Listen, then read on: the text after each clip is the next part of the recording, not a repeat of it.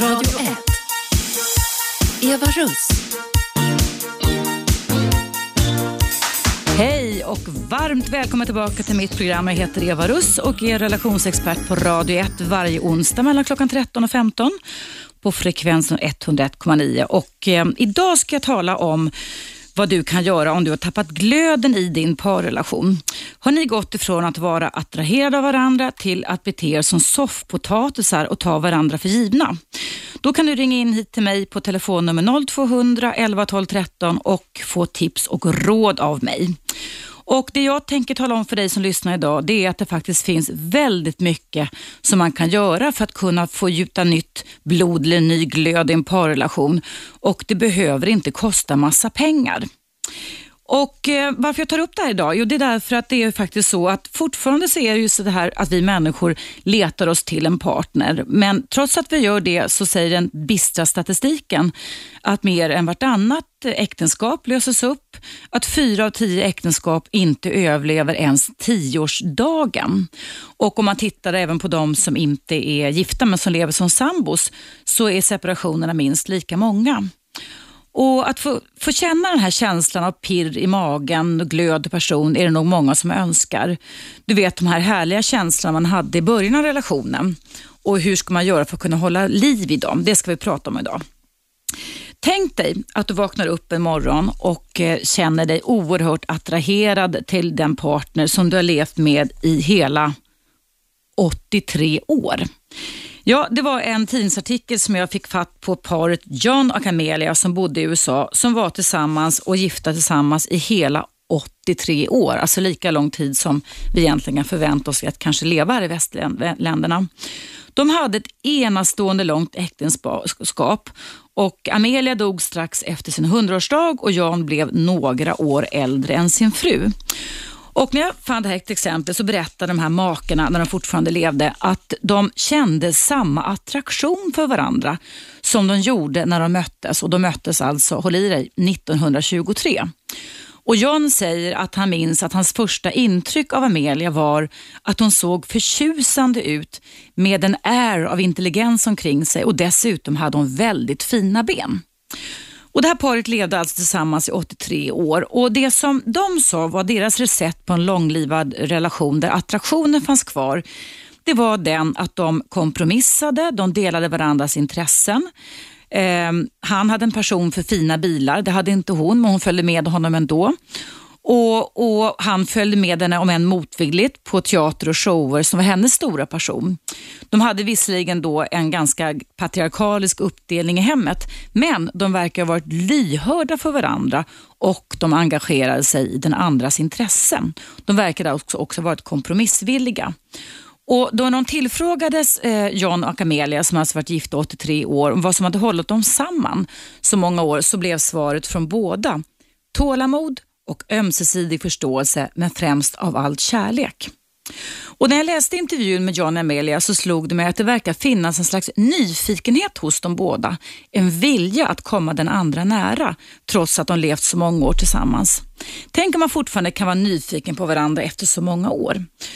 Och Deras beskrivning, John och Amelias beskrivning av ett långt och lyckosamt äktenskap stämmer faktiskt överens också med ett svenskt par som det stod i tidningen om för några år sedan som heter Bertil och Rosa. De var gifta i hela, håll i dig, 72 år, alltså 72 år. Och Deras råd var att göra saker ihop och ha gemensamma intressen. Och enligt det här svenska paret, alltså Bertil och Rosa, så var det viktigt att kunna kompromissa, att inte gräla och försöka hålla sams. Och enligt det här svenska paret så vaknade de nästan alltid med pirr i magen. Och att fortfarande efter många års förhållanden just kunna känna det här pirret i magen och glödet och passionen är det nog många som önskar. De där härliga känslorna som vi hade i början av relationen, hur ska vi kunna hålla dem vid liv? Ja, det är vad jag kommer att berätta för dig som lyssnar idag. Och vill du få lite råd av mig idag så är du hjärtligt välkommen att ringa in till mig på 0200 11 12 13 och ställa dina frågor så ska jag coacha dig så gott det går så att din relation kan få tillbaka glöden, personen och kanske också energin tillsammans. Och Det första jag vill säga till dig som lyssnar det är ju det att att alla par går givetvis igenom olika typer av kriser. Det är inte så att när man eh, väl, väljer att leva tillsammans, oavsett vilken form man väljer att leva tillsammans, att det alltid är 100% perfekt eller att det är 100% sexuellt eller 100% passionerat. Utan många gånger så fluktuerar det här över tiden. Men om man har valt att leva tillsammans och man har en strävan och ett åtagande och en tilltro till att vi vill fortsätta att kämpa tillsammans så får man inte lägga sig ner och spela död. Utan då handlar det om, alltså man handlar alltså på 0% nivån eller bara ta varandra för givna, utan då måste man faktiskt engagera olika, olika beteenden och tankar i sig själv för att kunna få igång relationen igen. Och Jag hävdar efter att ha jobbat med par i väldigt, väldigt många år att det är aldrig för sent att lösa upp ett problem eller att finna nya tankar i en parrelation. Um, varför jag vet det? Jo, det är för att jag har coachat par i många, många år och vet att det med ganska enkla medel går att få tillbaka lusten och passionen i en relation. Det finns ett antal baselement faktiskt som man världen över har sagt att det här ska finnas med om man ska kunna prata om, om vi säger kalla tillståndet kärlek i en relation. Och Det är bland annat då att man dras till varandra, att man knyter an känslomässigt och att man känner sig trygg och att man älskar och man bryr sig om varandra. Att man vill vara intima med varandra, att man vill ha sex men också närhet och att man är genuint intresserad av varandra, är nyfikna på varandra och visar ömsesidig respekt. Och just det här med att vara nyfikna på varandra, det är ju någonting som vi oftast är i början av våra parrelationer när vi drabbas av passionen och förälskelsens heta flammor då beter vi oss nästan så som vi liksom gullar med våra nyfödda barn. Vi använder kroppsspråket för att visa vår kärlek. Vi tar på varandra, vi klappar om varandra, vi pussas och kramas. Vi visar glada känslor när vi återförenas. Vi kuttrar och jollrar precis som vi gör med småbarn. Och inte minst så idealiserar vi varandra. Vi tillskriver varandra de mest fantastiska attribut som kanske inte alltid när personen har lagt sig något alltid riktigt stämmer. Men du har säkert själv varit med om att du själv har trott eller hört andra säga att man har verkligen hittat drömmen, drömprinsen eller drömprinsessan. Och så ska det vara när man går in i det här förälskelsestadiet. Och när vi också inte ses, alltså när vi är separerade från varandra i våra relationer, när vi är nyförälskade, så kan det ge upphov till sorg. Precis på samma sätt som det kan göra mellan föräldrar och barn när man inte har sett varandra på ett tag. Och Det är alltså väldigt massa olika känslomässiga system som aktiveras inom oss. Men när man har levt tillsammans ett tag och det är inte alldeles säkert att det behöver vara den här omtalade sjuårskrisen. Det kan komma en kris efter två år, det kan komma en kris efter åtta, eller tio eller femton år så kan man alltså hamna i system som inte skapar någon nyfikenhet, som inte skapar någon som helst uppåttjack. Förälskelsens endorfiner och uppåttjackhormoner har lagt sig ner och då tar man varandra för givna. Och Jag är övertygad om och vet att du som lyssnar säkerligen aldrig skulle presentera dig själv för din partner du träffar den första gången och säga hejsan, jag heter si och så och eh, jag ska bara tala om för dig att jag kommer aldrig bry mig om hur jag ser ut och från och med nu när du och jag blir ett par så tänker jag bete mig som en soffpotatis. Det är ju någonting som vi självklart inte gör, utan när vi träffar en person och blir förälskade i den och inleder en relation som sen då kanske ska leda till en längre relation, så vinnlägger vi oss väldigt mycket om att vara vackra för varandra, vi vinnlägger oss om att vara intresserade av varandra och vi har ständigt positiva förväntningar på varandra. Men efter ett tag så kan alla de här systemen läggas ner och vi tar varandra för givna. Vi söker inga nya kunskaper om vår partner och det är det som mitt program ska handla om idag. Vad kan man göra kunna få tillbaka glöden och passionen i en relation? Det behöver inte vara speciellt kostsamt utan det handlar om att veta vilka olika typer av system som vi faktiskt behöver aktivera. Det kan alla människor göra, för alla människor har de här känslomässiga systemen i sig och jag ska nu börja berätta om det första systemet som heter söksystemet. Det här systemet stötte jag på när jag skrev den bok som heter Relationskoden som jag hämtar en del av mina tips till dig ifrån här idag. Den kom ut för två år sedan och finns även i pocket nu för tiden. Söksystemet är ett system som vi faktiskt har inom oss som egentligen tillhör den gamla reptilhjärnan. Reptilhjärnan kom först och sen kom den nya intelligenta hjärnan genom evolutionens försorg för cirka två miljoner år sedan. Och söksystemet det är ett system som innebär att vi redan när vi gick på savannen gick omkring och sniffade oss fram till grödor till bär. Vi sniffade fram om, om vattnet som vi skulle kunna dricka var färskt och friskt så vi kunde överleva eller om det var förgiftat så hade vi liksom tentakler ute för det. Vi sniffade oss fram till en partner och vi var väldigt, väldigt alltså nyfikna. Det här söksystemet finns inom oss och är alltså ett, ett system som aktiverar våra hormoner faktiskt. Det är alltså så att och när vi är sniffiga på varandra, vi är nyfikna, vi är intresserade. Vi tänker oss, vad kan jag hitta för ny kunskap om dig? Vad finns det för någonting nytt jag kan lära mig? Så blir det faktiskt ett hormonellt uppåttjack. Idag inom neurovetenskapen världen över så vet man att, att de känslor som aktiveras av söksystemet när vi alltså sniffar, kollar, är nyfikna, genuint, genuint intresserade av varandra styrs av hormoner som till exempel dopamin, och noradrenalin som tillsammans skapar eh, upptrappning inom oss. Och Det jämförs med att bli förälskad. Så att när vi är förälskade i de här första eh, heta månaderna i en relation så är det alltså hjärnan, hjärnornas system, hjärnan som, som aktiverar en massa hormoner som alltså heter dopamin, noradrenalin och de har faktiskt en kemisk struktur, säger forskarna idag, som liknar amfetamin och kokain. Det är du. Det, alltså kärleken, det här bli förälskad, kan alltså jämställas nästan med en drog och att det blir, liknar i kemisk struktur eh, droger som amfetamin och kokain, alltså uppåt-tjack för själen.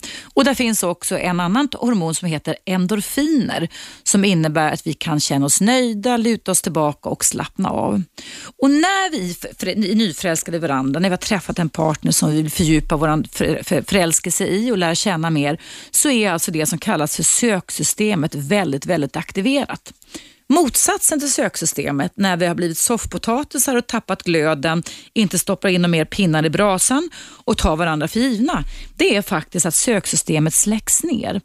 Och rent hjärnvetenskapligt kan det vara bra för dig att veta att motsatsen till att söka, det kallas för vredesystemet enligt forskarna. Vredesystemet. Och vredesystemet kan innebära att man är ilsken, att man är frustrerad, att man inte söker sig nära en person för det innefattar beteende att man håller sig undan. Och Det kan också leda till depressivitet. Och När man är depressiv, man behöver inte vara deprimerad, men när man är depressiv då är ett kännetecken det att man inte har några positiva förväntningar på sig själv andra eller framtiden. Så vill du få igång och få, få fart på din relation igen så gäller det att kunna aktivera det här söksystemet. Inte ta din partner för given utan börja intressera dig för vad har min partner varit med om idag? Vad kan jag ställa för frågor till min partner? Eller vad kan jag berätta för min partner som min partner tar för givet? Vi är inte samma människor som vi var för 5, 10, 15, 20 år sedan. Och det, vi går igenom massor med spännande saker varje dag, men vi kan inte vara eller behålla nyfikenheten om vi inte delger vår partner om vad vi upplevt för någonting.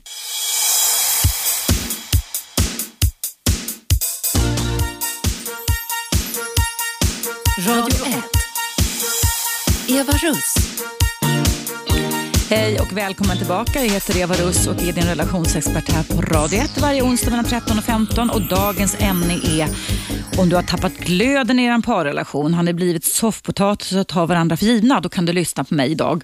För Jag ska berätta för dig hur du utan några st större kostnadsinvesteringar, dock tid och goda tankar, faktiskt kan förändra väldigt mycket i parrelationen. Att låta den gå ifrån att glöden har falnat till att få den i alla fall ganska passionerad eller fullt passionerad igen. Och eh, innan pausen så berättade jag om söksystemet, att söksystemet är aktiverat när vi blir förälskade i varandra. Då kuttrar vi och jollrar vi och vi idealiserar varandra och vi tar på varandra och vi använder kroppsspråk för att visa vår kärlek. Men ju mer tiden går, så när man tar varandra för givna, så läggs oftast söksystemet ner.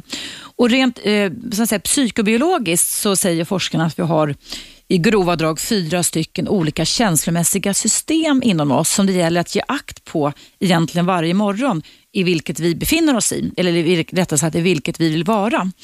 Och De kallas då alltså för vredesystemet, rädslasystemet, paniksystemet och söksystemet. Och Söksystemet det är det som alltså ger ett uppåttjack. Att aktivera söksystemet igen det går genom att man slutar ta varandra för givna.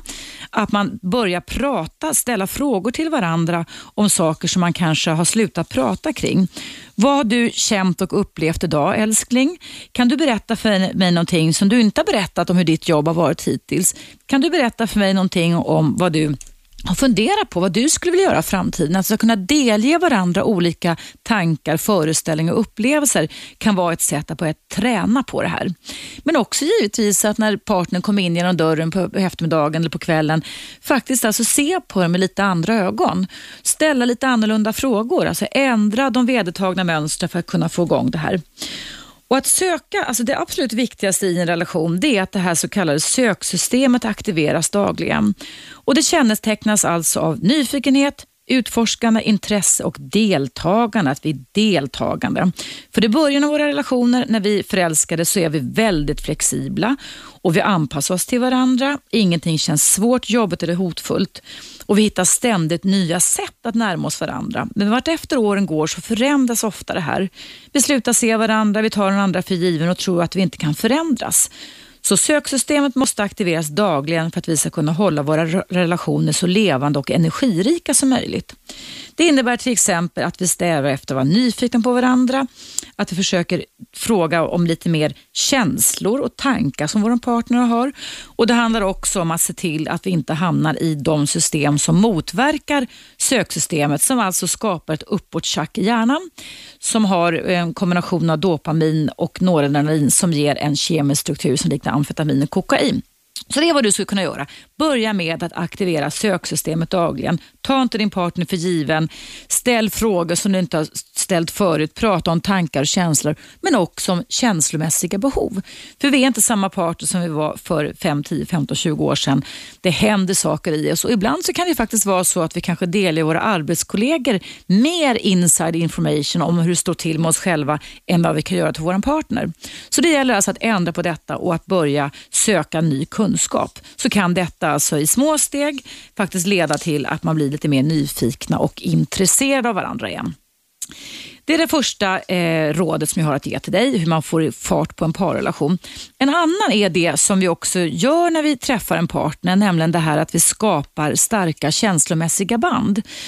Jag berättade alldeles nyligen då att man har sett alltså att vi, vi, när vi blir förälskade i varandra, vare sig vi lever i en homosexuell relation eller en heterosexuell relation, så beter vi oss faktiskt likadant som då vi blev kära som när vi liksom tar hand om våra nyfödda barn.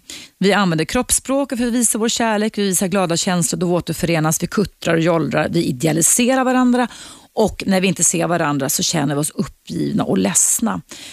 Eh, svenska forskare gjorde faktiskt exempel på ett litet, litet däggdjur och jag vet att du som lyssnar ibland kanske tycker att det där verkar lite stenåldersmossigt att sitta och snacka om däggdjur år 2011. Men jag kan tala om för dig som lyssnar att det här är faktiskt någonting som är, man kan dra ganska mycket slutsatser, däremot inte säga att exakt likadant. Och Det här handlar faktiskt om herr och fru Sork. Åkersork, herr och fru Sork, som fick kärlekshormonet oxytocin insprutat i sig. Innan dess så hade de tagit varandra för givna, personer hade falnat och det fanns ingen glöd mellan dem överhuvudtaget. Och vad som hände var, när de fick varsin spruta oxytocin, det blev att de blev oerhört förälskade varandra igen. Och Hur kan man då slutsats till det här till oss människor? Jo, Oxytocin är ett beröringshormon som aktiveras genom beröring av andra. Så man tror alltså att vi kan inte beröra oss själva och få det här oxytocinutsöndringen, men du kan till exempel få det om du tar emot massager från någon annan.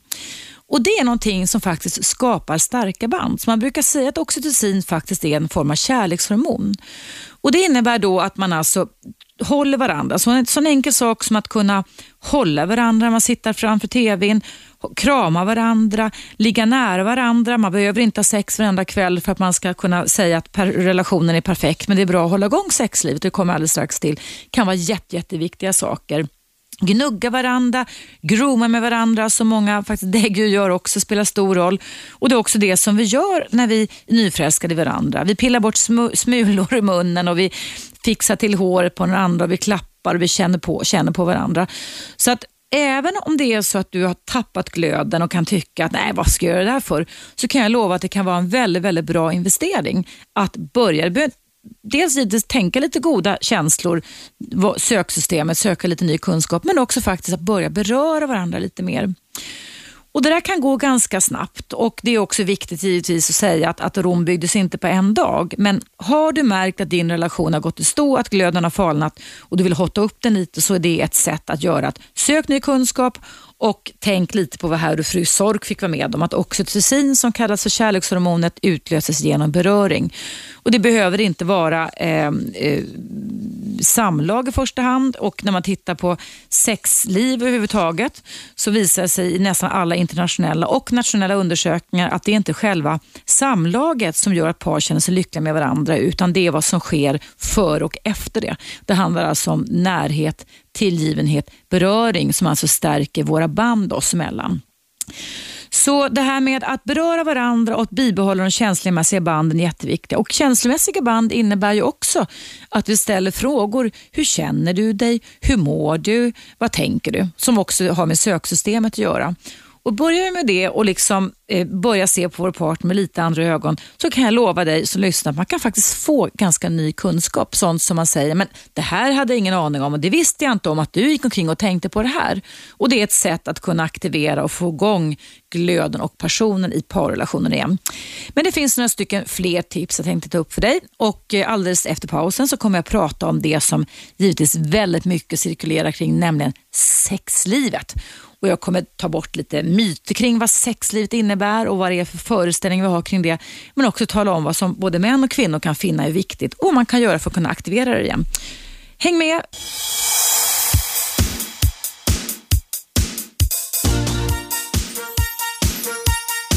Radio 1.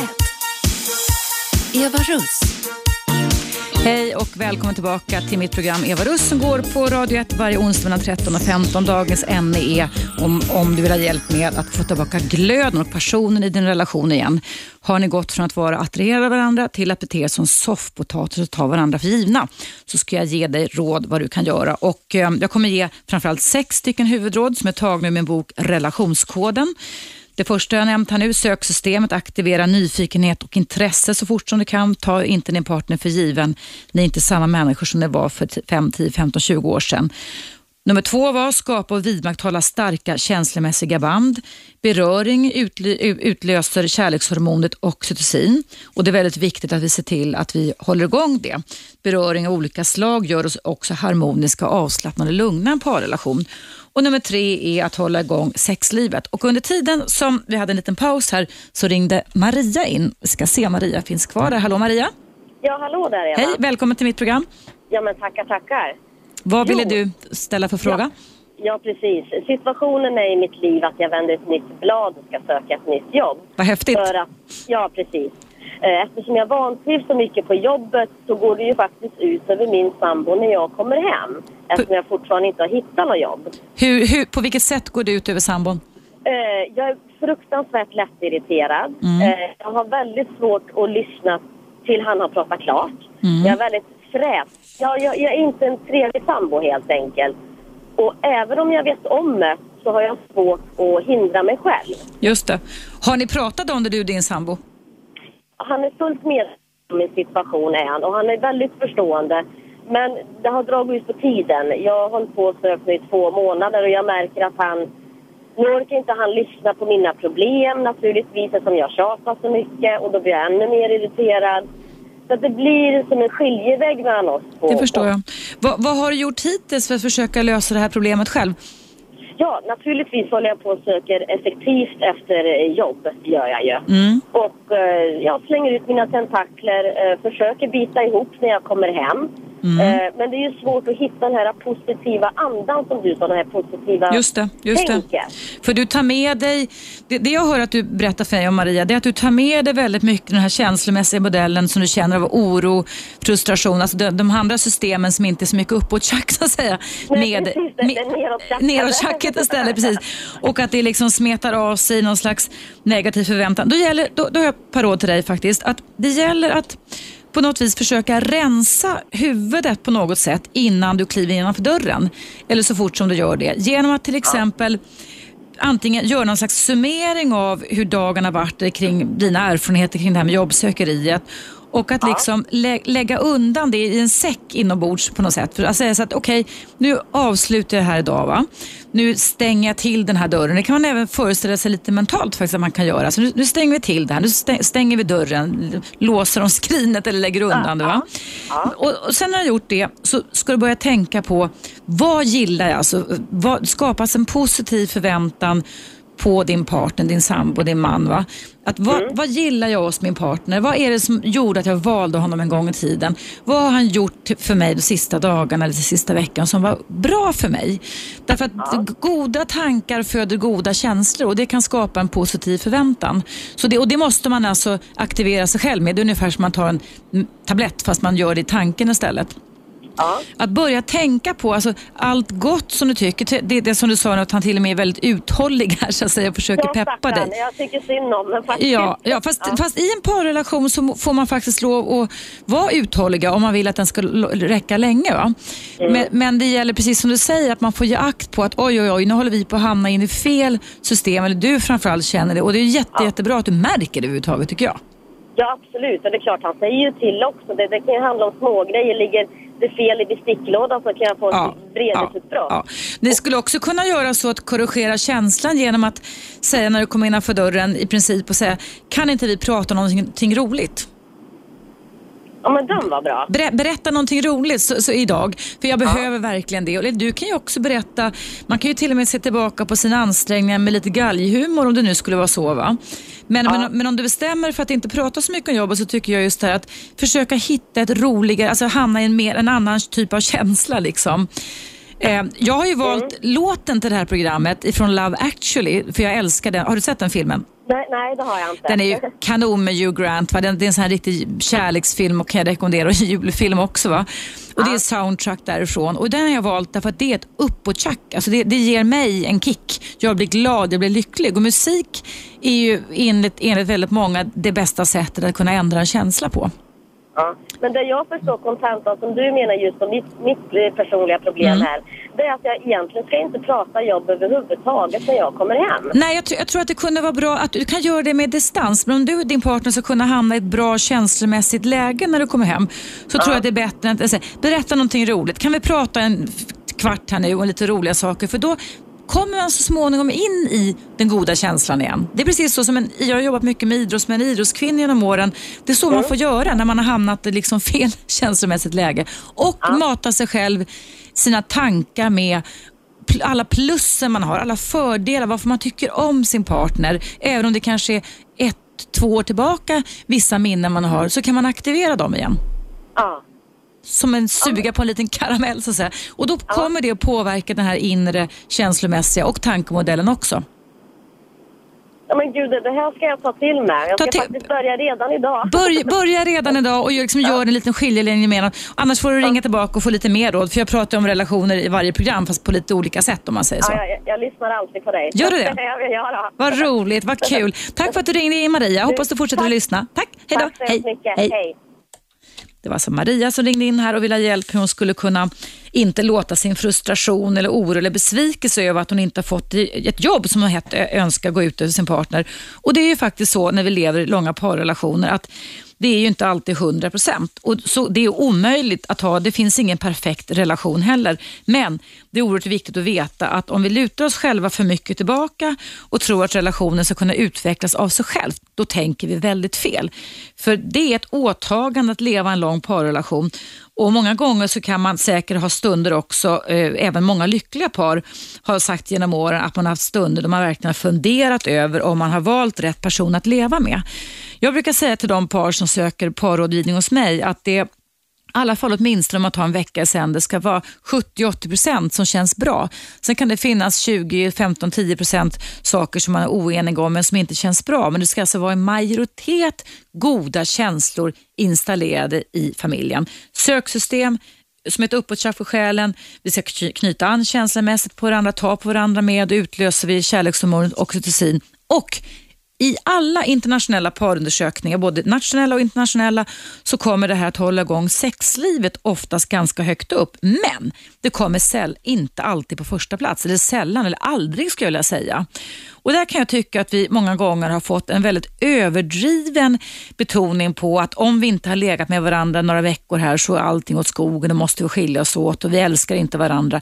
Det är fullständig bullshit ska jag vilja säga. Och varför jag säger det? Jo, därför att det finns en stor internationell undersökning där man studerade hur många samlag vi väst, människor i västvärlden kan ha under levnadstid. Om vi antar då, det här var en amerikansk studie, att vi antar att vi hoppar till sängs då kanske med lite mer prydare i USA runt 18. Här kanske lite lägre 15-16 i Sverige skulle jag tro. Men man lever till man är 82-84 år. Och Då kom man fram till att vi människor kanske har cirkus 4200 samlag på ett helt långt liv. Alltså 4200 samlag på ett helt långt liv. Det, när man tar fram miniräknaren som jag då var tvungen att göra, innebär att det blir ungefär 1,2 samlag i veckan. 1,2. Så det innebär då att om man inte haft sex på några veckor eller någon månad så kan man ju faktiskt ta igen det sen. Och Det behöver ju inte vara plus minus, alltså exakt 4200 samlag utan det handlar mer om att hålla igång det här. Och Det viktigaste som den här forskningen visade det var att det måste vara, eh, att det måste vara närhet och förtrolighet och att förspelet och efterspelet måste finnas med för att man ska kunna säga att man blir nöjd, att paret blir nöjda med sitt sexliv. Ehm, I en annan studie så fick faktiskt 1500 par, och det var framförallt då kvinnan, det var heterosexuella par, klocka hur lång tid ett samlag tog. 1500 par. Och Då kom man fram till att det tog mellan 3 till 13 minuter och i snitttiden då ligger runt 7. Men alla de här 1500 paren sa att om inte man hade förspel eller efterspel så upplevde man inte att sexlivet var något bra. Andra forskare har också kunnat se att, precis som Maria här som ringde in och ville veta om hon skulle kunna bryta sin frustration över att hon inte får något jobb och inte få över det på sin sambo när hon kom hem från jobbet, så visade det sig också att fenomenet placebo kan öka sexlusten. Och Det var precis det rådet som jag gav till Maria, nämligen den att våra förväntningar om hur någonting ska vara eller min partner ska vara styr väldigt mycket vad vi dras till. Våra förväntningar styr vad vi dras till. Placebo är något så enkelt som att vi förväntar oss att tablett som vi kanske har tagit förut ska verka nu den här gången med. Men forskarna har manipulerat den och gett, den, gett oss sockerpiller istället. Eller också har vi hört att någon har sagt att just det här medlet är skitbra. Du kommer bli frisk som en nötkärna bara du tar det och då kan vi bli friska igen.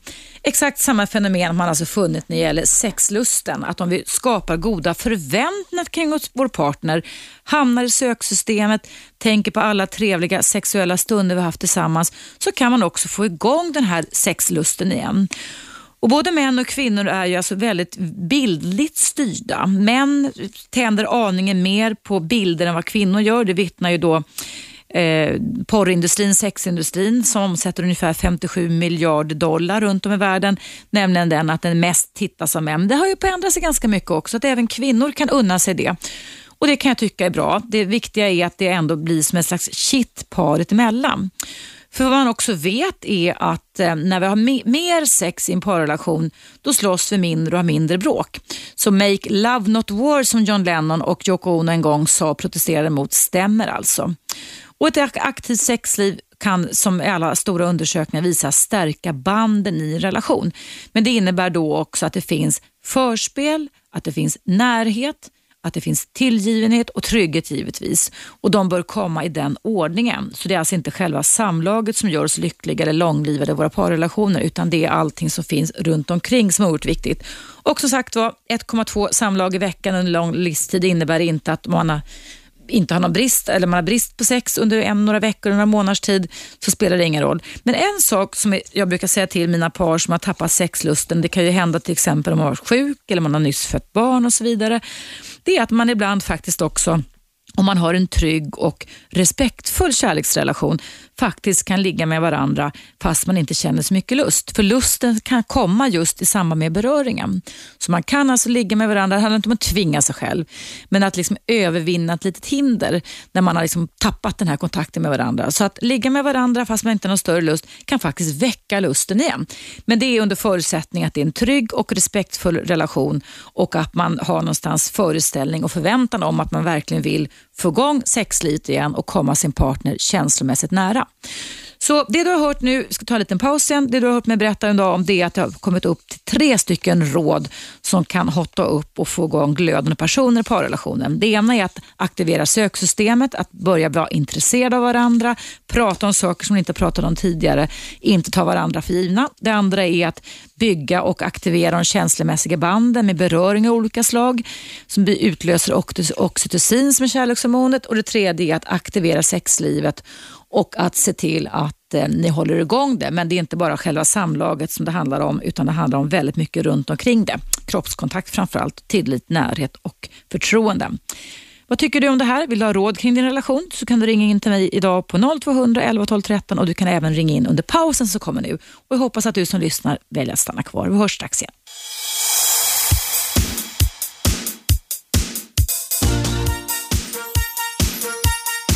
Radio 1.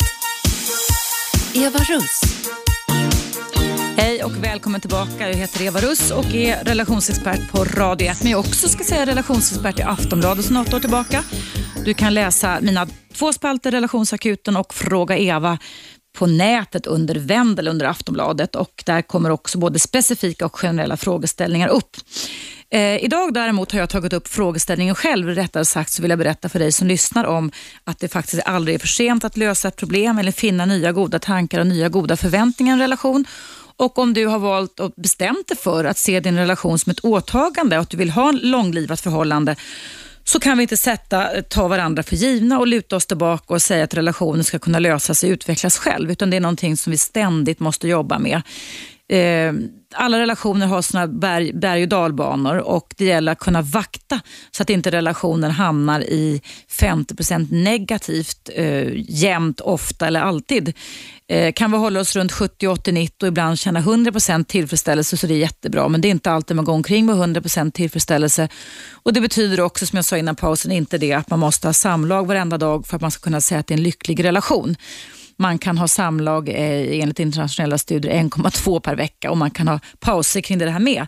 Det viktiga är att man bibehåller söksystemen, att man fortsätter vara intresserad av varandra, att man pratar om känslor, tankar, förväntningar, att man pratar och håller igång kommunikationen. Och En av de största gåvorna när det gäller kommunikation är att ge vår partner fokuserad uppmärksamhet. Jag repeterar, en av de största gåvorna som vi kan ge vår partner i en parrelation är fokuserad uppmärksamhet. Och Varför är det det? Då? Jo, det, är, det är väldigt, väldigt viktigt att vi ger varandra fokuserad uppmärksamhet, för då bekräftar vi vår partner. Och Att bekräfta varandra det är någonting som vi gör när vi är nyförälskade i en relation, för då tar vi på varandra, kuttrar, jollrar och bryr oss om varandra jättemycket och gromar och pillar, pillar varandra i håret och pillar smulor ur, ur mungipen och så vidare. Men allt efter åren går så gör vi inte det. Och Att ta varandra för givna det är alltså motsatsen till att ge vår partner fokuserad uppmärksamhet. Det är också väldigt viktigt att vara medveten om att vad, man förstärker i en relation. Eh, en framgångsrik relation befinner sig ju i, mer i nuet än i dået och det gäller ju att släppa gamla oförrätter. Det har visat sig i studier faktiskt att par som har en förmåga till att kunna försonas och förlåtas faktiskt kan leva lyckligare tillsammans än de som fastnar i det förgångna. Och min devis när jag jobbar med par på min mottagning, det är det att kan vi inte hitta någon lösning som vi kan ha nytta av i nuet ifrån dået, då får vi släppa det helt enkelt. Vi kan inte lösa något som redan inträffat, men om vi kan få någon idé om vad vi kan göra bättre nästa gång, så är det oerhört viktigt att vi lär oss nya redskap för det här. Och Jag tycker också att en viktig aspekt i en parrelation kan är faktiskt att man inför utvecklingssamtal för relationen. Det här kanske låter jätteknasigt, men jag skulle jag säga att det är en väldigt, väldigt bra rådgivning. Man ska inte göra det varenda år på nyårsafton när man börjar prata om nya målbilder för relationen. Det gör man oftast inte. Man pratar om nya målbilder för sig själv och sitt liv. Men många känslomässigt intelligenta par som jag har mött pratar även om relationen. Men jag tycker att ett år emellan är alldeles för lång tid. Varför inte sätta sig ner en gång om månaden eller en gång varannan vecka, någon söndagkväll eller lördagkväll när man är ensam, när ungarna gått till lax eller de är ute på disco och börja prata med varandra. Vad tycker jag är bra i vår relation? Vad skulle jag önska få mer av? Vad behöver jag nu som jag kanske inte har berättat för dig? Vad skulle jag önska ifrån dig i konkreta beteenden, i språk och så vidare? Skulle du kunna tänka på det här? Att kunna våga säga till vår partner vad vi behöver. För tankeläsning funkar inte ens i Jola Beros värld kan jag säga och väldigt många par ägnar sig åt tankeläsning och spådamstänkande och tror att man tar varandra för givna så den andra personen ska veta exakt vad jag tänker, känner och behöver. Det funkar inte. Utan det handlar om att kunna lära oss att utbyta budskap, tala om någonting som är viktigt för oss. Och Vad som är oerhört viktigt att veta i parrelationer det är också det att om din partner tycker någonting är viktigt, då är det viktigt. För Det är väldigt många par som jag har mött som säger att de känner sig obekräftade, att de inte får fokuserad uppmärksamhet för deras partner anser att det de tycker är viktigt inte är viktigt för den. Så kom ihåg det du som lyssnar, att om din partner tycker något är viktigt, då är det viktigt. Då gäller det att kunna stanna upp där och kunna höra vad är det du kan berätta mer. Och att kunna kommunicera, det, vi fick ju språket under vår utveckling till människa för att vi ska kunna bli mer samspelta, kunna fungera bättre och kunna utveckla oss tillsammans. Och Det handlar ju faktiskt, kommunikation, det handlar ju faktiskt om att utbyta budskap. Rent bildligt talat så kan du ta och föreställa dig hur det är när en budfirma kommer med en bil så och ska lämna någon slags paket till dig de ställs ju inte liksom och kastar in paketet i, på på gräsmattan till din villa eller, eller kastar det utanför hyreshuset och struntar i om det finns någon mottagare. Utan man parkerar bilen, bär upp paketet, ringer på dörren, räcker över det till den personen som ska ha det så att man är säker på att budskapet eller paketet har gått fram. Och Det är exakt samma sak när det gäller bra parkommunikation. Det är ett budskap, det är som att lämna över ett paket.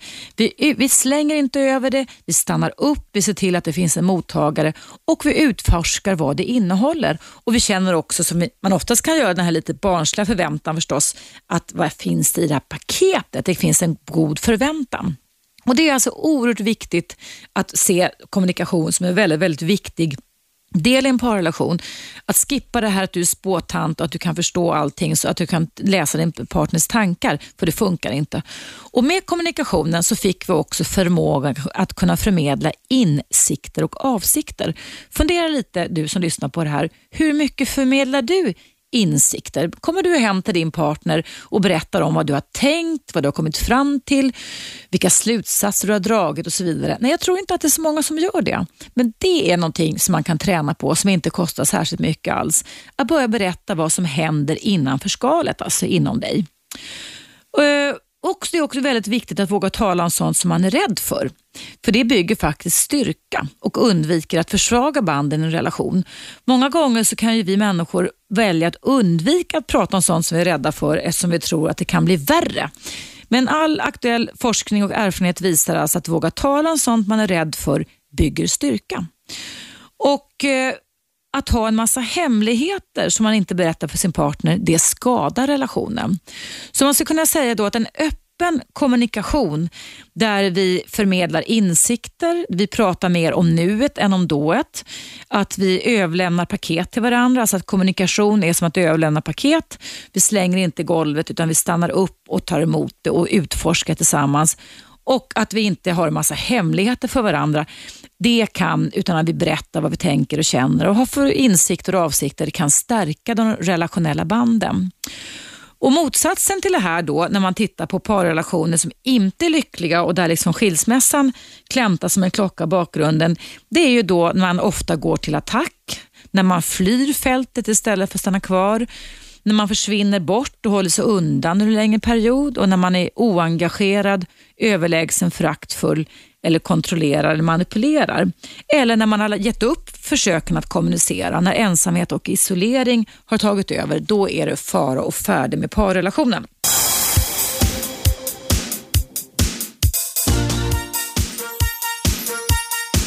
Radio 1. Eva Russ.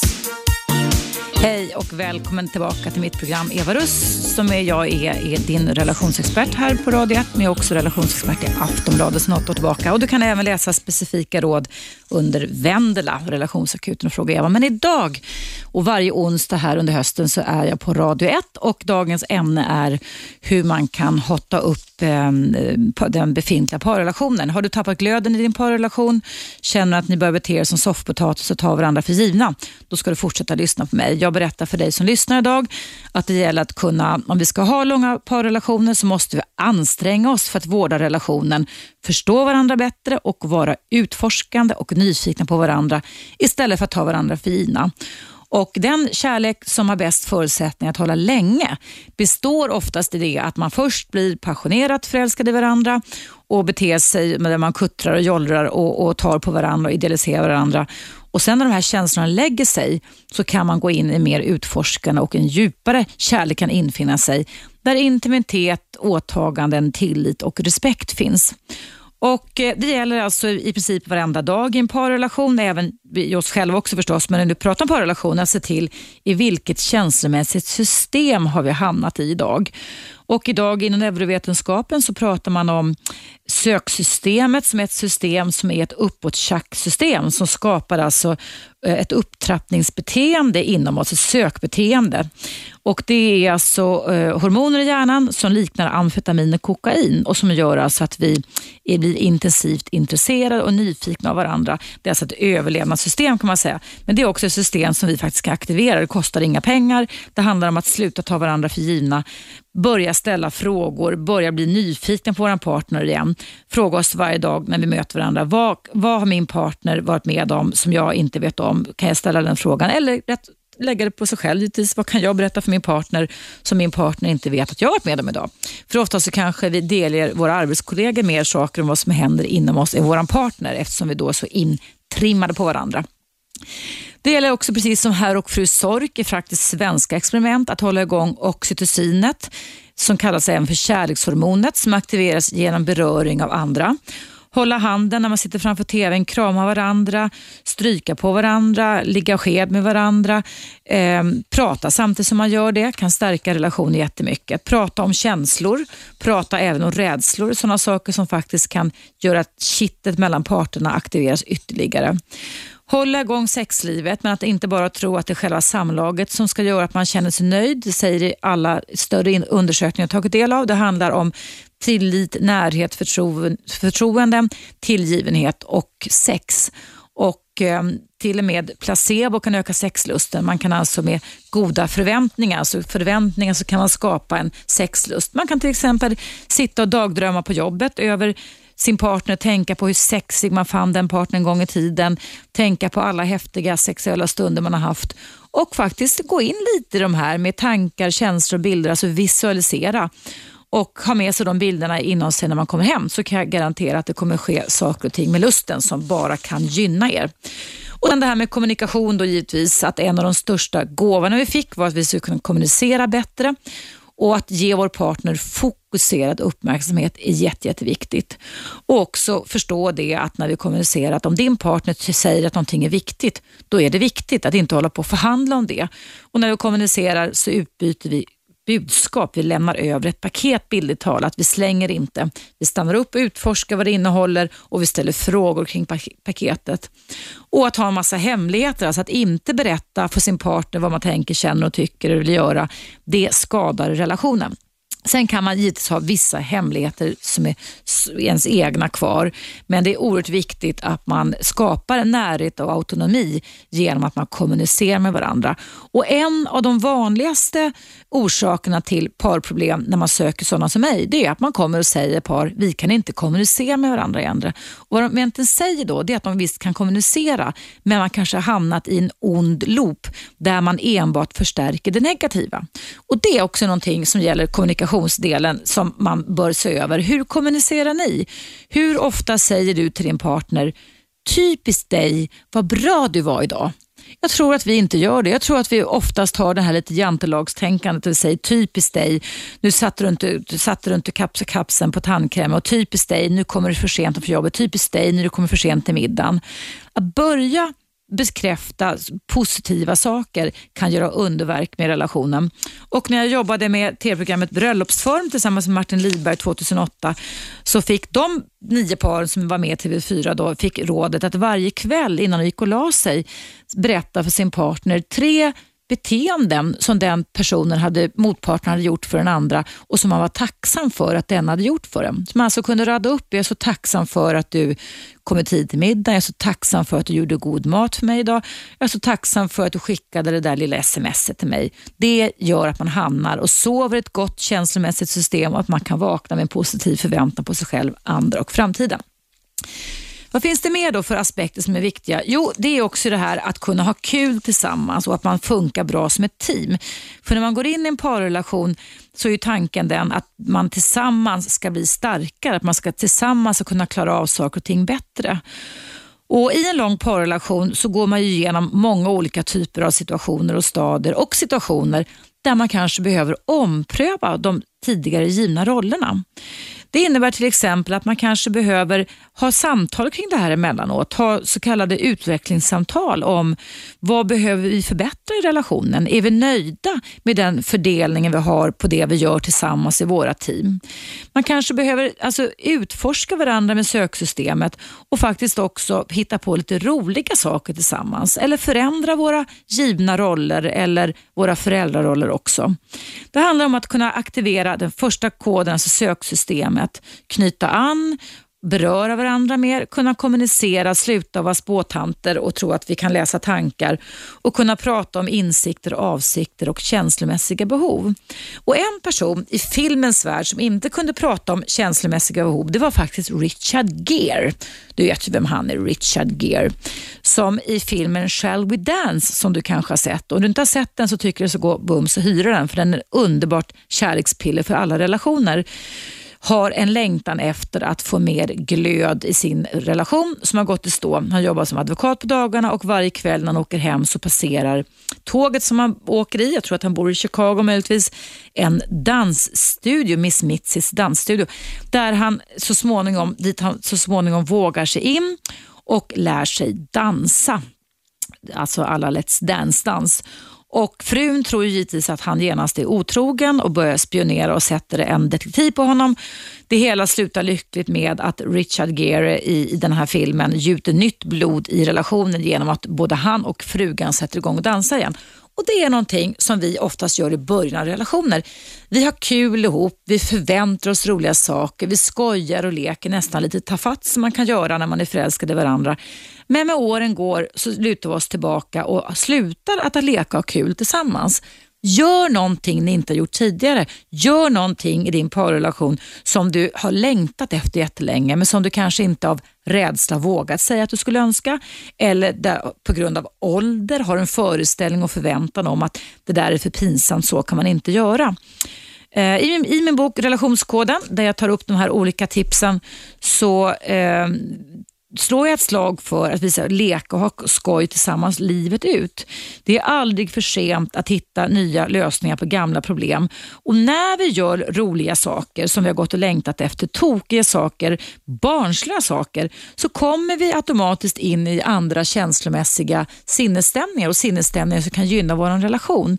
Bara det att man kan vara barnslig och man kan skratta tillsammans kan förena väldigt mycket och utlöser också lyckohormonet endorfiner som gör att vi kan njuta extra mycket tillsammans. Så fundera på i din befintliga parrelation, finns det någonting utanför så boxen så att säga som ni skulle kunna hitta på.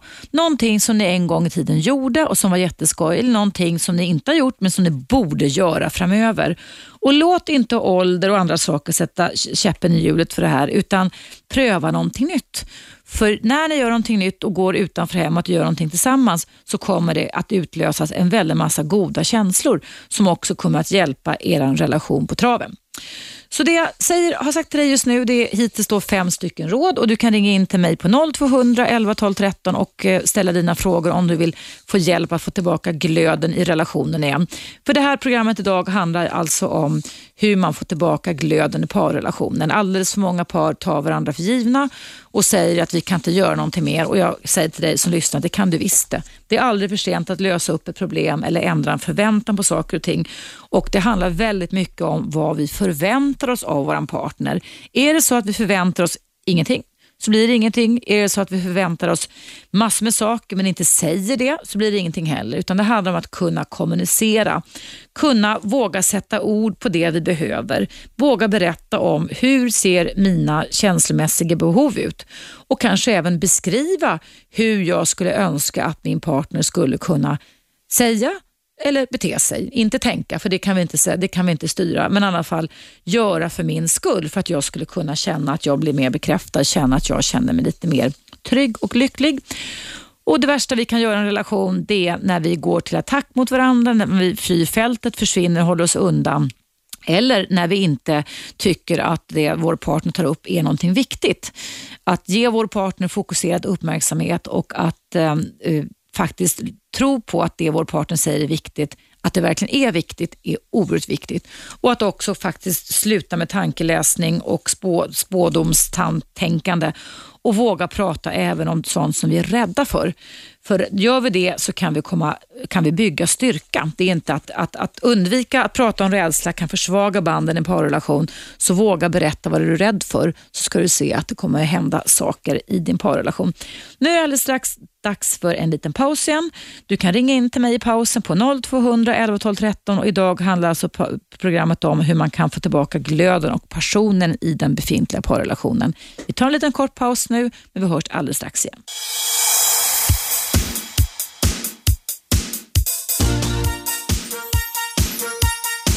Radio 1. Eva Russ. Hej och varmt välkommen tillbaka. Du lyssnar på Eva Russ i mitt radioprogram som går varje onsdag på Radio 1 mellan 13 och 15. Och dagens ämne är hur man kan få tillbaka passionen och glöden i parrelationen. Och, eh, jag har för dig som är nytillkommen lyssnare berättat om att det handlar väldigt mycket om att aktivera söksystemet, att inte ta varandra för givna, att prata om tankar och känslor, förväntningar och behov, att beröra varandra mycket eftersom vi kan utlösa kärlekshormonet och oxytocin.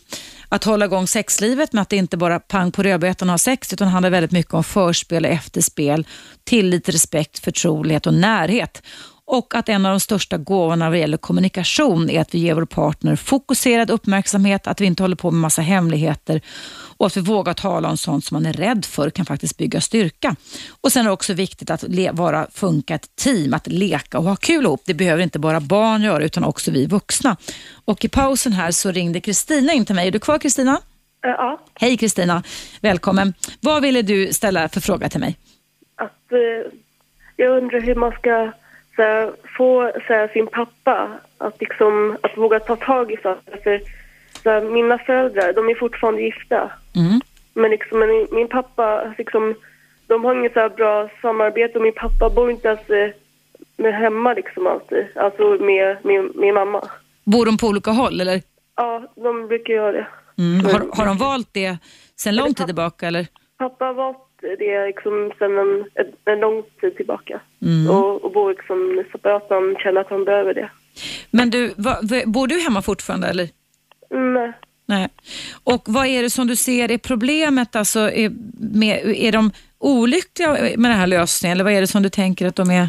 Att det, det finns ingen så här, det känns som det inte finns liksom någon kärlek typ så här, att eh, för att få vardagen att gå ihop liksom i pengar så är det typ det som gör du... så att de är, är gifta och kvar. Alltså, okay, och, typ, okay. och, hon, och honom att prata med liksom. Annars så liksom, mm. tror inte jag liksom att, att det, det, de, min pappa mår inte så bra tror jag av att vara gift Det är ju jättegulligt av dig tycker jag att du tänker så. Däremot kan jag säga till dig och andra som lyssnar att det är det är så svårt när man själv är barn till föräldrar så att säga, där man ser att det finns problem. För att det, det blir svårt för barnen att kunna coacha sina föräldrar. Liksom, det ligger liksom inte riktigt i, i vårt sätt att funka på, men man kan givetvis göra det. Och vad du skulle kunna göra tycker jag, det är väl att säga att du är lite bekymrad. Ta upp det här med din pappa och även med din mamma Ja. kanske, eller hur? Men, ja, jag har gjort det. Ja. Men han, han håller fortfarande kvar vid henne. Ja, Och du, vet, och du vet att det kan jag berätta att det beror ju faktiskt på att separera är bland det värsta som finns för oss människor. Så att ofta så kan vi till och med hålla, hellre hålla kvar en dålig relation än att ge upp den. Ehm, så att, alltså de har ju egentligen separerat men de har inte skilt sig, eller hur? Det är det du säger? Ja, Ja, och den här, det är någon slags förväntan, någon slags band som finns där ändå. Att om man släpper det här allra sista så har man säkert både befintliga men även väldigt mycket övergeneraliserade katastroftankar om hur det ska kunna bli. För har man till exempel barn ihop som de har med dig, när du, är ni fler syskon än du eller? vad sa du? Eh, Ja, jag, jag har... Ja, Ja, så har man ju liksom någon slags beröringspunkt i alla fall. Det är ju inte sista gången man ser varandra om man skulle skilja sig. Men att separera är faktiskt bland det svåraste som finns och därför så är det många som tvekar till att göra det. Men, men, men eh, du skulle ju kunna ändå försöka en gång till och säga att kan, kan ni, är ni beredda att göra någonting för att ni ska kunna komma närmare varandra igen? Så skulle jag och min, mitt syskon bli väldigt glad. För jag tycker att det känns tråkigt när, när ni inte verkar ha något skoj ihop och det inte verkar finnas någon positiv förväntan er emellan. ja det, är ja, det kan jag säga. Ja, tack för tipset. Ja, det är i alla fall ett, ett litet försök tänker jag då. Men, men, men eh, eller säg till pappa eller mamma det att nu får ni faktiskt ta och göra någonting åt det här. Om ni inte tänker skilja er, men ändå, man kan ju bo på olika håll. Det kan ju faktiskt vara en ganska vettig grej kan jag tycka ibland faktiskt. Om man vill liksom få ny, ny, ny, ny, ny, ny, nytändning i relationen. Men då måste man också göra någonting aktivt för det med. Du får väl hänvisa till reprisen på det här programmet. Man kan ju lyssna på det efteråt på webben eller på podcast. Okej. Kan de lyssna på det, eller hur? Så hör de hur mycket du bryr, du bryr dig om dem, eller hur? Vad sa du så? Så hör dina föräldrar hur mycket du bryr dig om dem. Ja. Det är ett tips. Skick, skicka länken på mejl eller någonting sånt där till pappa eller mamma. Eller båda. Ja. Mm. Ja, Tycker ja, att det, det hjälper dig lite framåt? Ja. Vad fint. Ja. Tack för att du lyssnade och tack för att du ringde in Kristina. Tusen tack. Hej då. Ja. Hej.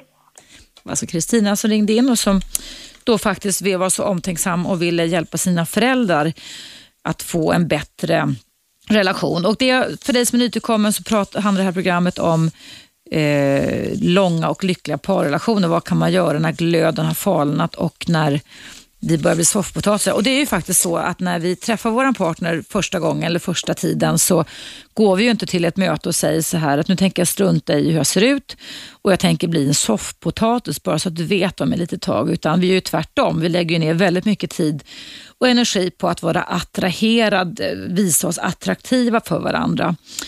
Och när jag skrev den här boken Relationskoden som jag refererar eh, ganska mycket tips ur kring idag så fick jag, alltså det här, hör och häpna, det här låter verkligen inte klokt. Jag var tvungen att kolla upp om det stämde. Men det säger alltså ledande evolutionsforskare, eh, en svensk professor det, att det alltså är faktiskt så att vi har, alltså människan då, har 40 procent potatis i våra gener fortfarande. Det låter ju inte klokt. Alltså 40 potatis. Det är kanske därför som vi blir soffpotatisar. Det är kanske därför som vi tänker att så fort som jag har kommit till hamn så tänker jag inte bry mig om hur jag ser ut och vad jag kan göra. Och det visar sig då när det gäller det, det, det sista rådet jag har som kallas för relationshälsa, att det är alltså väldigt, väldigt viktigt i en relation att man signalerar till varandra att man finner varandra attraktiva och citat sexiga. För det är någonting som vi alltid vinnlägger oss om när vi träffar varandra. Och jag prat, vill betona då att jag pratar inte om BMI, jag pratar inte om dyra kläder, jag pratar inte om Porsche och sådana saker, utan jag pratar mer om beteenden.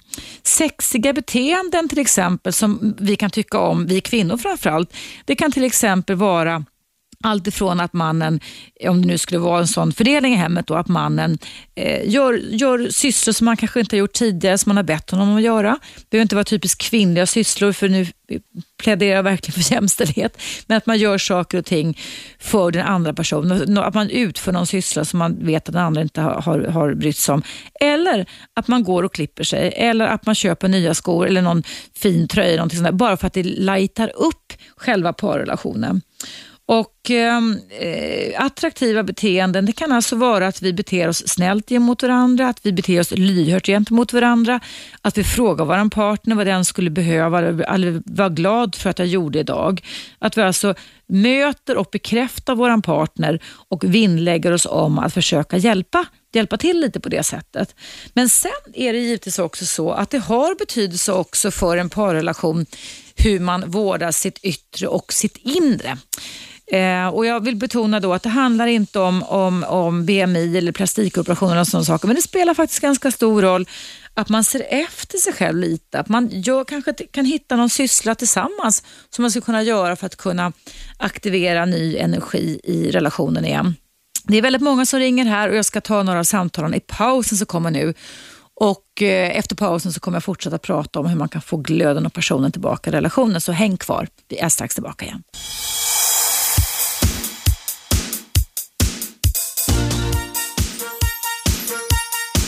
Radio 1. Eva Russ. Hej och välkommen tillbaka. Jag heter Eva Russ och är din relationsexpert här på Radio 1, Sveriges nya pratradio varje onsdag mellan 13 och 15. Och idag så är ämnet den hur man kan få tillbaka passionen och glöden i en långvarig parrelation. Det gäller att inte ta varandra för givna. Det gäller att inte, eh, eller rättare sagt, det gäller att inte eh, att bara luta sig tillbaka och tro att relationen kan utvecklas av sig själv. Utan vi behöver egentligen varje vecka eller varje månad skulle jag vilja säga ha ett utvecklingssamtal parterna emellan i en parrelation för att därmed kunna få tid och utrymme för att kunna ställa frågor och, och mäta lite och säga vad är vi nöjda med, vad är bra, vad är mindre bra, vad skulle vi och jag behöva förbättra? Och Det har visat sig i många större och eh, kända internationella parundersökningar att just flexibilitet och att vara nyfikna på varandra, dela varandras intressen och kunna kompromissa och hålla igång sexlivet är bland de faktorer som är oerhört viktiga för att man ska kunna ha, en, om man nu längtar efter det och vill ha det, vilket jag tror väldigt många människor ändå siktar emot, ha en lång parrelation. Och jag kan berätta då också att i en stor internationell undersökning där eh, det ingick alltså 610 par i åtta olika länder. Och Det var faktiskt svenska par med också, 95 svenska par som hade varit gifta eller varit sambos i minst 20 år. Så fokuserar man på de faktorer som gjorde paren lyckliga och som gjorde att de utvecklades tillsammans. Den studien hette Långa äktenskap från 1995. Eh, där visade sig då att en av de viktigaste orsakerna till dessa långa lyckliga äktenskap var att de pratade mycket med varandra. Alltså pratade mycket med varandra och hade bra sex. Och eh, med, också det att man hade en gemensam livsfilosofi. Man hade gemensamma intressen och fritidsaktiviteter. Man behövde alltså inte enligt dem göra allting tillsammans. Men det är viktigt att kunna komma överens om vad man ska göra och hur man ska göra saker så att båda blir tillfreds. Eh, det studier, så den här studien visade också det att det handlade väldigt mycket om att kunna alltså vara flexibla, att kunna vara kompromissvilliga och att faktiskt det här gamla rådet som vi kanske tycker är från Hedenhös, inte lägga sig och vara osams, utan att försöka lösa problem när de uppstår och se till att man hamnar i ett gott känslomässigt system när man vaknar, lägger, lägger sig och sover. Ehm, för övrigt då så är alltså i, i, i de internationella undersökningar jag tagit del av och som jag nämner i min bok Relationskoden som finns i pocket numera, så är alltså anpassningsförmåga och flexibilitet viktigt. Uppskattning, att man visar uppskattning på sin partner, att man kan kompromissa, ge och ta, att man kan kommunicera och förstå varandra bättre, att man ser relationen som ett åtagande, att man är ärlig, att man alltså inte har för många hemligheter, att man visar ömsesidig empati, att man var själsfränder, att man är rättvis mot varandra, att man var goda vänner och att man hade kul ihop, att man gör roliga saker tillsammans. Att eh, det fanns kärlek, tillgivenhet och intimitet. Tålamod, respekt, öppenhet och humor kom tillbaka flera gånger. God problemlösningsförmåga, återhämtningsförmåga, sexuallivet, njutbart för båda och att det fanns en balans som det också måste vara mellan egna intressen och gemensamma intressen. Och du som är nykommen så har berättat om hur man får eh, tillbaka glöden av passionen i befintliga parrelationer.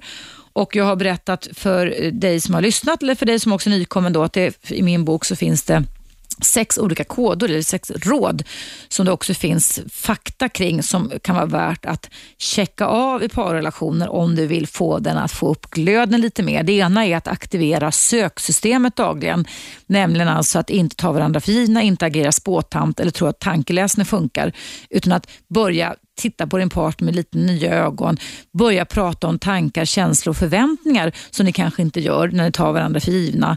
Eh, börja skapa positiva förväntningar om din partner och fråga dig själv varje dag, vad kan jag lära mig för någonting nytt om min partner? Vad kan jag berätta om mig själv för min partner som min partner inte berättat, eh, som jag inte berättat om tidigare? Vad har jag kommit på för goda tankar och idéer under loppet av en dag när jag kanske har jobbat utanför hemmet och vad kan jag berätta när jag kommer hem? Det är kod nummer ett. Kod nummer två det är att bibehålla starka känslomässiga band. Och Det är ganska klassiskt när vi är nyförälskade att vi kuttrar och jollrar och tar i varandra och visar kroppsspråk och grommar. Men ju mer tiden går så lägger vi ner de här systemen. Och För att aktivera kärlekshormonet oxytocin som utlöses genom att vi berör varandra så behöver vi beröra varandra. Och Det kan vi göra genom att hålla handen, eh, sitta i knä på varandra, krama varandra, ligga sked, ta en kvällspromenad, hålla varandra i handen och samtidigt berätta om sådana saker som man inte hunnit berätta om sin part, för sin partner om tidigare under dagen. Och Jag ska också säga att söksystemet visar aktuell neurovetenskap eh, blir en slags uppåttjack som har, liknar kokain och amfetamin som gör alltså att vi blir eh, sniffande och nyfikna av varandra och motsatsen till att inte söka, få igång söksystemet i hjärnan det är vrede och depression. Eller att vi kan hamna i de andra känslomässiga system av frustration, irritation, panik och rädsla och oro. Så det gäller att se till att vakta och värna om i vilket känslomässigt system som relationen hamnar i, skulle jag vilja säga, så gott som dagligen. Men det är också bra att veta det att det finns inga perfekta relationer. Eh, en relation kan aldrig vara 100% to på topp jämt, men det gäller att se till att den inte är på botten jämt, utan att det blir mer fördelar än nackdelar när man lever ihop och att man kan uppleva en känsla av att den går framåt, att vi inte upprepar samma misstag om och om igen, utan att vi faktiskt kan förnya oss och förändra oss. Och Just det var en del i den här stora undersökningen som jag nämnde, att just flexibilitet och god anpassningsförmåga är viktigt hålla igång sexlivet, men att, att en relation bygger inte enbart på ett gott sexliv. Det bygger på söksystemet, att behålla känslomässiga band och det är inte bara att riva av ett samlag utan det handlar om att ha förspel och efterspel, kunna njuta, kunna ta hänsyn till varandras behov. Och har man inte sex varje vecka så är det inget problem med det heller, såvida man inte slipper, skippar de andra koderna. Det handlar alltså om att kunna aktivera söksystemet, ta på varandra, krama varandra, visa genuint intresse för varandra. Och Då kommer vi in på kod nummer fyra som är kommunikation som är oftast det som par som är missnöjda med varandra säger att de inte kan, alltså att de inte kan kommunicera. Och En av de största gåvorna vad det gäller kommunikation det är att vi ger vår partner fokuserad uppmärksamhet, att vi eh, tyck, lyssna på när vår partner säger att någonting är viktigt, för då är det viktigt. Att vi utforskar vad den andra partnern menar, att vi vågar prata om våra känslomässiga behov, vilka de är, hur de ser ut. Att vi vågar tala om sånt som man är rädd för och att man inte har en massa hemligheter. Eller att man struntar i att kommunicera med att hålla sig undan. Det förstör en parrelation. Sen är det också viktigt att omfördela rollerna i teamet. Att kanske ha utvecklingssamtal, inte bara en gång per år som vi ofta förknippar med nyårsafton, utan ganska regelbundet, en gång i månaden, en gång varannan vecka eller kanske varje vecka om man skulle önska det. Vad tycker vi är bra? Förstärka det positiva. Vad skulle vi behöva göra för att det ska kunna bli ännu bättre? Vad kan du, jag, vi tillsammans bidra med? Jätteviktiga samtal att kunna diskutera kring. Eh, ha kul ihop. Att ombilda teamen kan vara en grej, men också att fortsätta leka och ha kul tillsammans. Men också sen som kod nummer sex, då, att vårda relationshälsan. Och Det har jag sagt ett par gånger i det här programmet idag, att när vi träffar en partner och börjar bli nyförälskade och börjar dejta med varandra så säger vi inte att jag tänk, från och med nu så tänker jag strunta i hur jag ser ut och jag tänker strunta i om jag kommer bli en soffpotatis med tiden. Utan tvärtom så ser vi till om att vi vinnlägger oss om att vara attraktiva för varandra, både på, i våra beteenden och i vårt yttre.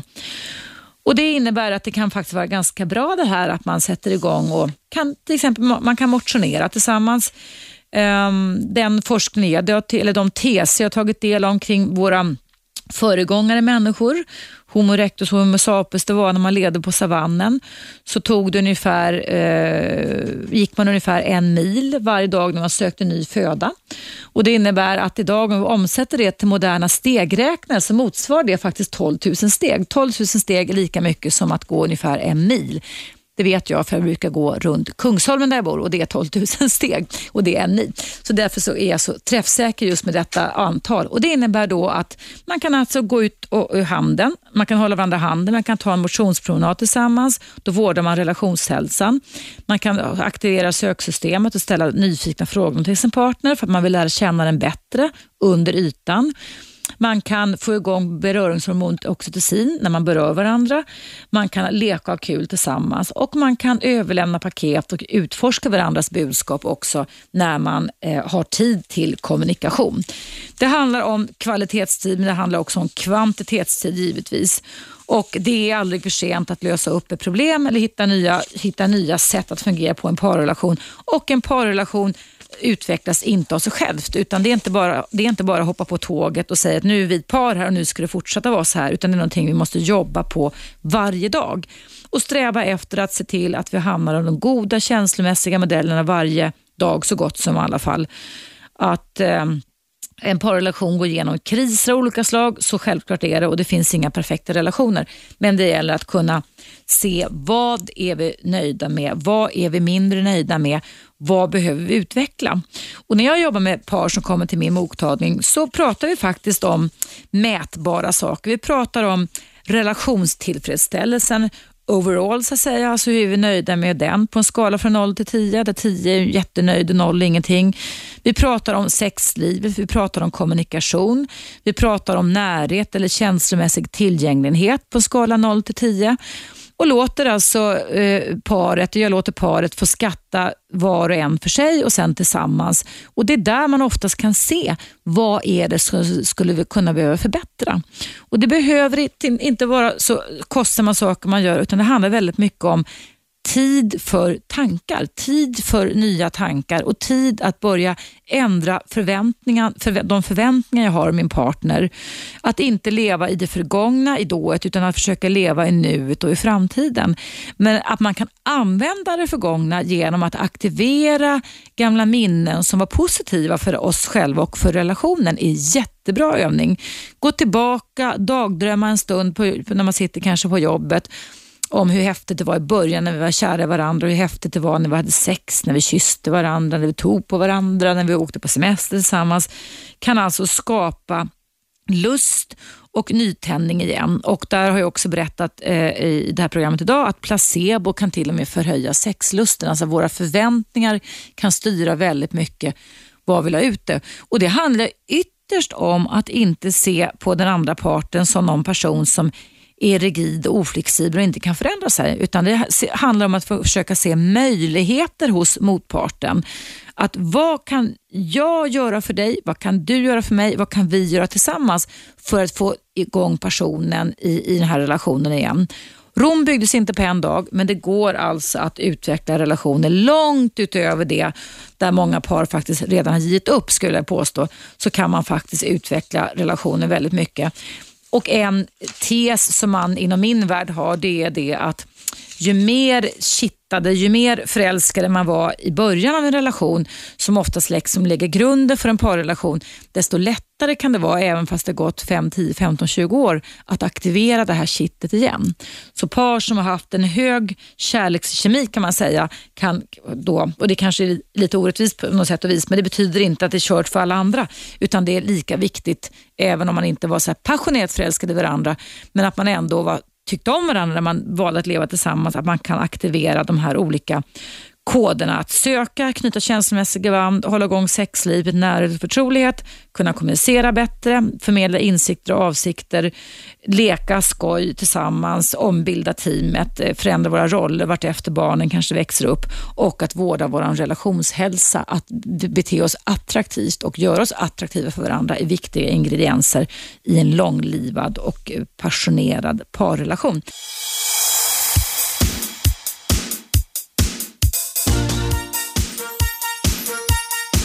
Radio 1. Eva Russ. Ja, hej på dig igen. Det här är Eva Russien som har de sista skälvande minuterna på mitt radioprogram Eva Russ. Jag är Radio 1s eh, relationsexpert, men jag är också relationsexpert i Aftonbladet sedan åtta år tillbaka. Dit kan du också vända dig med frågor till mig som är både generella och specifika. Jag finns på webben under Aftonbladet Vendela. Här finns jag dock live i studion här på Södermalm och mitt ämne idag har varit hur, hur man kan få igång glöden och passionen i den befintliga parrelationen. Är det verkligen så att man ska ta varandra för givna, att glöden ska falna och att man ska bli en soffpotatis när man har levt mer än 3, 4, 5, 6, 7, 8, 9 år tillsammans? Nej, det tycker jag inte alls. Och jag inledde det här programmet med att berätta om ett fantastiskt par som jag läste om i tidningen för några år sedan som hette John och Amelia som hade varit gifta i hela 83 år. Tänk dig det, 83 år. Och där de hävdade tills de dog, de är tyvärr avlidna nu, att de vaknade varje morgon med ett pirr i magen och att de fortfarande fann varandra attraherade. John tyckte att den här Amelia fortfarande hade väldigt fina ben och då, det här paret blev eh, något över 100 år tillsammans. Och jag refererade också tidigare idag till ett par, ett svenskt par som heter Bertil Rosa som var gifta i hela 72 år, alltså 72 år. Och deras råd som gjorde att det här kittet i parrelationen ihop, det var att göra saker ihop och ha gemensamma intressen. Och Det var viktigt att kompromissa, inte gräla och försöka hålla sams. Och, både, och även Bertil och Rosa menade då att de vaknade faktiskt nästan alltid med ett pirr i magen. Ja, och att fortfarande efter många års förhållande kunna känna det här pirret i magen, glöd person, är det nog många som önskar sig. De där härliga känslorna som vi hade i början av relationen, hur ska vi kunna hålla dem vid liv? Vi vill ha förväntan, upphetsning och glädje eh, och eh, vi vill behålla det här livet ut. Och Det finns faktiskt inga kärleksskolor idag eller relationsskolor, men jag får väl fungera som en sån eftersom jag har väldigt mycket erfarenhet kring det här. Mycket forskning och mycket counseling så att säga, med, med par, både singlar och andra. Och även egen relationserfarenhet också givetvis. Då. Men det jag ger råd kring idag, det är faktiskt de, som jag kunna säga nästan evolutionära systemen eller koderna som är viktiga att se på, som alltså fyllt en funktion i våran överlevnad och som jag hävdar också spelar ganska stor roll, eller väldigt stor roll, eller mycket stor roll för överlevnaden i våra parrelationer. Och det ena är att aktivera söksystemet som är motsats till vrede och depression. Att se vilket känslomässigt system och vakta och värna om det som vi hamnar i dagligen i våra parrelationer. Och Genom att vi försöker sträva efter att inte vara tankeläsare eller spåtanter i våra relationer utan att utforska den andra, fortfarande vara nyfikna, ta reda på saker om den andra, inte ta den andra för given, så kan vi alltså aktivera hormoner inom oss som består av dopamin, noradrenalin och endorfiner som alltså kan funka, i alla fall dopamin och noradrenalin, som ett uppåttjack för själen. Vi kan alltså bli pigga och vi kan få massa positiva förväntningar. Det gäller också att kunna skapa och vidmakthålla starka känslomässiga band. Att inte bara bete oss jollrigt och kuttrigt och med kroppsspråket när vi är nyförälskade som vi gör mot våra nyfödda barn, utan också försöka hålla igång det här livet ut. Och där berättade jag i inledningen på programmet att i svenska forsk svensk forskning, aktuell forskning på herr och fru Sork, herr och fru Sork, så tillsatte man oxytocin med sprutväg, injektionsväg och det här paret var väldigt, hade tappat glöden och hade ingen person och de rörde inte vid varandra. De blev oerhört förälskade i varandra igen och satte igång och kyssas och kramas och ha sex som bara den. Så det kanske ligger någonting i det här att ju mer vi berör varandra desto mer kan vi bli förälskade i varandra och känna attraktion till varandra. Det gäller också att hålla igång sexlivet och i de större internationella undersökningar jag läst så kommer sexlivet ganska högt upp. Men det är inte det absolut viktigaste för att kunna bibehålla en lång parrelation. Det handlar om att vara flexibla, att eh, tänka gott om varandra, alltså positiva förväntningar, kunna lösa problem ihop, kunna kommunicera och hålla igång sexlivet. Men i många relationer så kan det finnas perioder i livet när man inte har ork eller lust till sex, när barnen kommer, när man är orolig för tonårsbarnen, när man var sjuk eller man är orolig för sin egen framtid i arbetslivet till exempel. Och Då är det inget problem om man inte har sex på ganska lång tid. Det viktiga är att man håller igång de andra koderna. Att man berättar vad man tänker och känner, man förmedlar insikter och avsikter, man berör varandra, man kan hålla om varandra, man kan ge varandra en kram, klappa varandra på kinden, hålla varandra i handen och så vidare. Ligga nära varandra och vara förtroliga med varandra. Och kod 4 som är kommunikation, det är att, att en av de största gåvorna som du kan ge din partner, det är fokuserad uppmärksamhet. Och Det gäller att se till att man hamnar mer i nuet än i dået i, i parrelationer.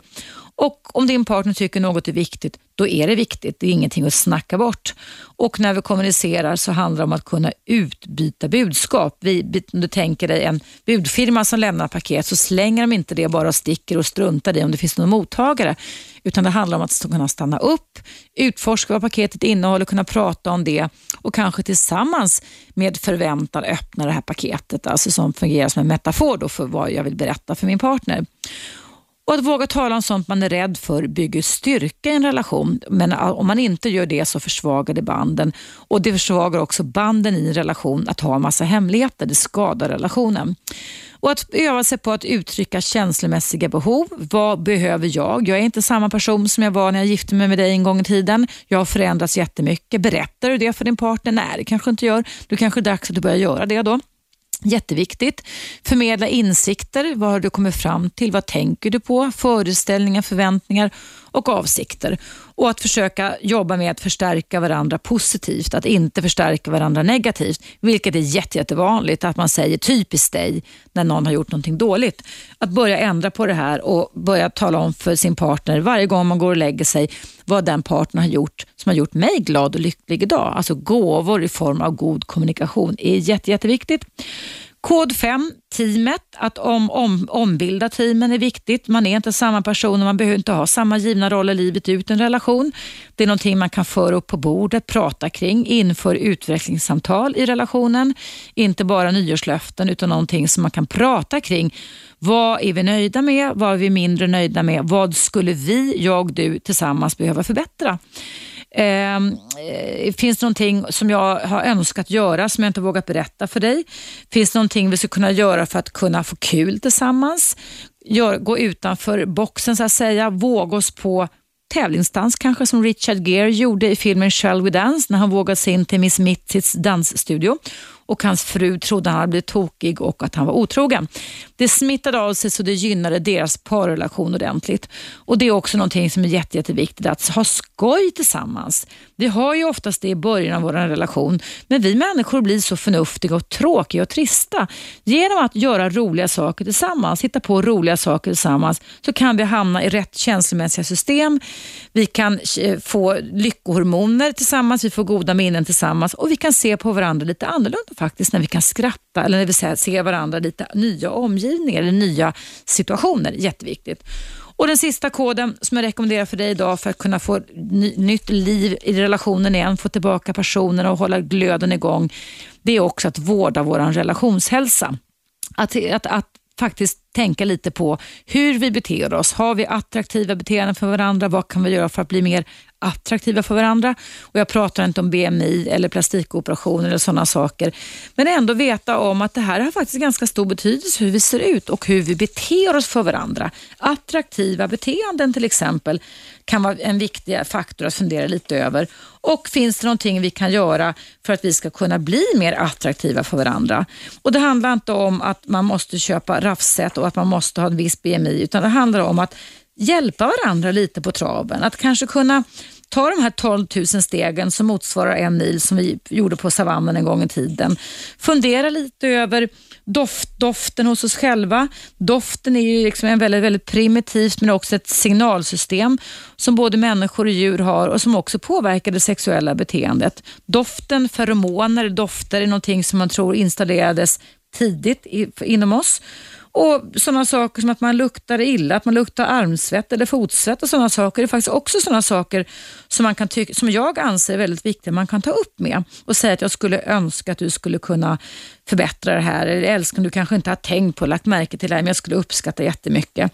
Och Det handlar om att inte gå till angrepp utan att försöka komma med förslag på vad man skulle kunna göra tillsammans eller var och en för sig.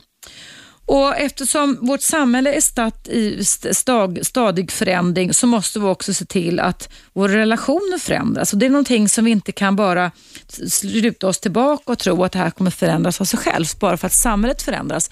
Utan det är någonting som vi, jag anser vi måste jobba på dagligdags om vi vill få och kunna få tillbaka det här pirret i relationen och få våra relationer till att kunna bli sådär härliga, stärkande, helande som det faktiskt kan vara när man lever i en tvåsamhet med någon. Det är en trygghet att kunna leva med en person och det är en trygghet att man ska kunna ta upp och kommunicera med olika typer av känslomässiga behov och andra behov man också har för den delen. Ja, därmed så var dagens program kring eh, parrelationer, få igång glöden och passionen igen slut. Jag hoppas att du som har lyssnat har funnit att detta har givit dig någon ny kunskap, att det har inspirerat er eller dig till att gå hem och pröva lite olika sätt. Och De här tipsen kommer alltså från min näst senaste bok som finns i pocket som heter Relationskoden. Och eh, tills vi ses och hörs nästa vecka igen så önskar jag dig som har lyssnat och alla ni andra som har ringt in till mig också en trevlig vecka och hoppas att ni kan berätta för mig nästa vecka lite som ni har gjort som har förbättrat relationen. Kom med lite förslag så ska vi se vad vi kan göra. Ha det jättebra så länge så hörs vi nästa vecka igen. Tack för att du lyssnade. Hej då! 101,9 Radio 1 Sveriges nya pratradio